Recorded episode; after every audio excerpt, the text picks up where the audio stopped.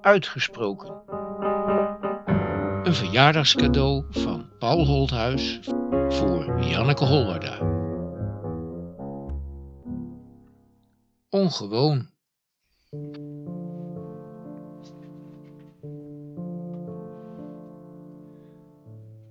Zoals zij liep, was niet gewoon.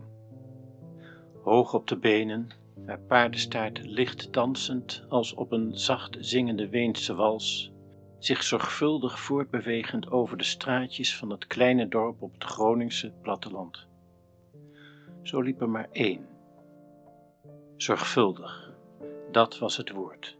Elk moment proevend, genietend van iedere fluit van de kwierlier of de zang van de titulaar. Haar man had haar het onderscheid geleerd, meanderend door het leven van alle dag, altijd bewust, altijd voelend, altijd denkend. Vaak ook zag je haar zitten, achter een grote tafel in die heldere kamer waar zij schreef, steeds maar schreef.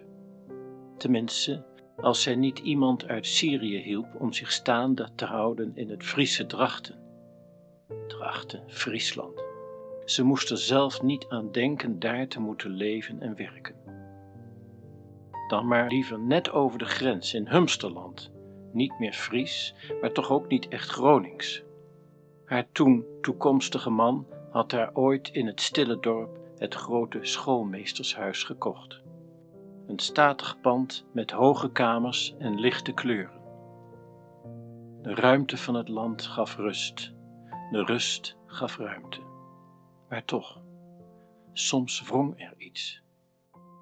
Dan dacht zij aan de grote stad in het midden van het land van waar zij was gekomen, waar schrijvers schreven en dichters dichten, waar het leefde en waar het bruiste.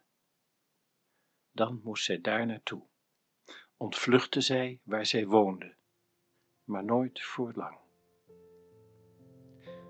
Waar voel je je thuis, dacht ze vaak. Waar voelt een mens zich thuis? In Emmen? In Beijing?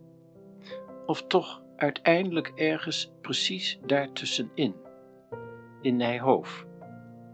Is dat waar mijn bestemming ligt? Waar ik de schrijver worden zal die ik altijd wilde zijn? 65 jaar overpeinsde zij. Moest ik er 65 jaar over doen om te worden wie ik nu ben? Of is wie ik nu ben slechts het voorwoord van wie ik nog steeds aan het worden ben? Schrijft mijn boek zich de komende jaren pas naar zijn slot? Haar gedachten speelden met haar. Zij vond dat niet erg.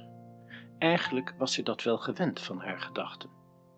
Zij vond dat niet ongewoon.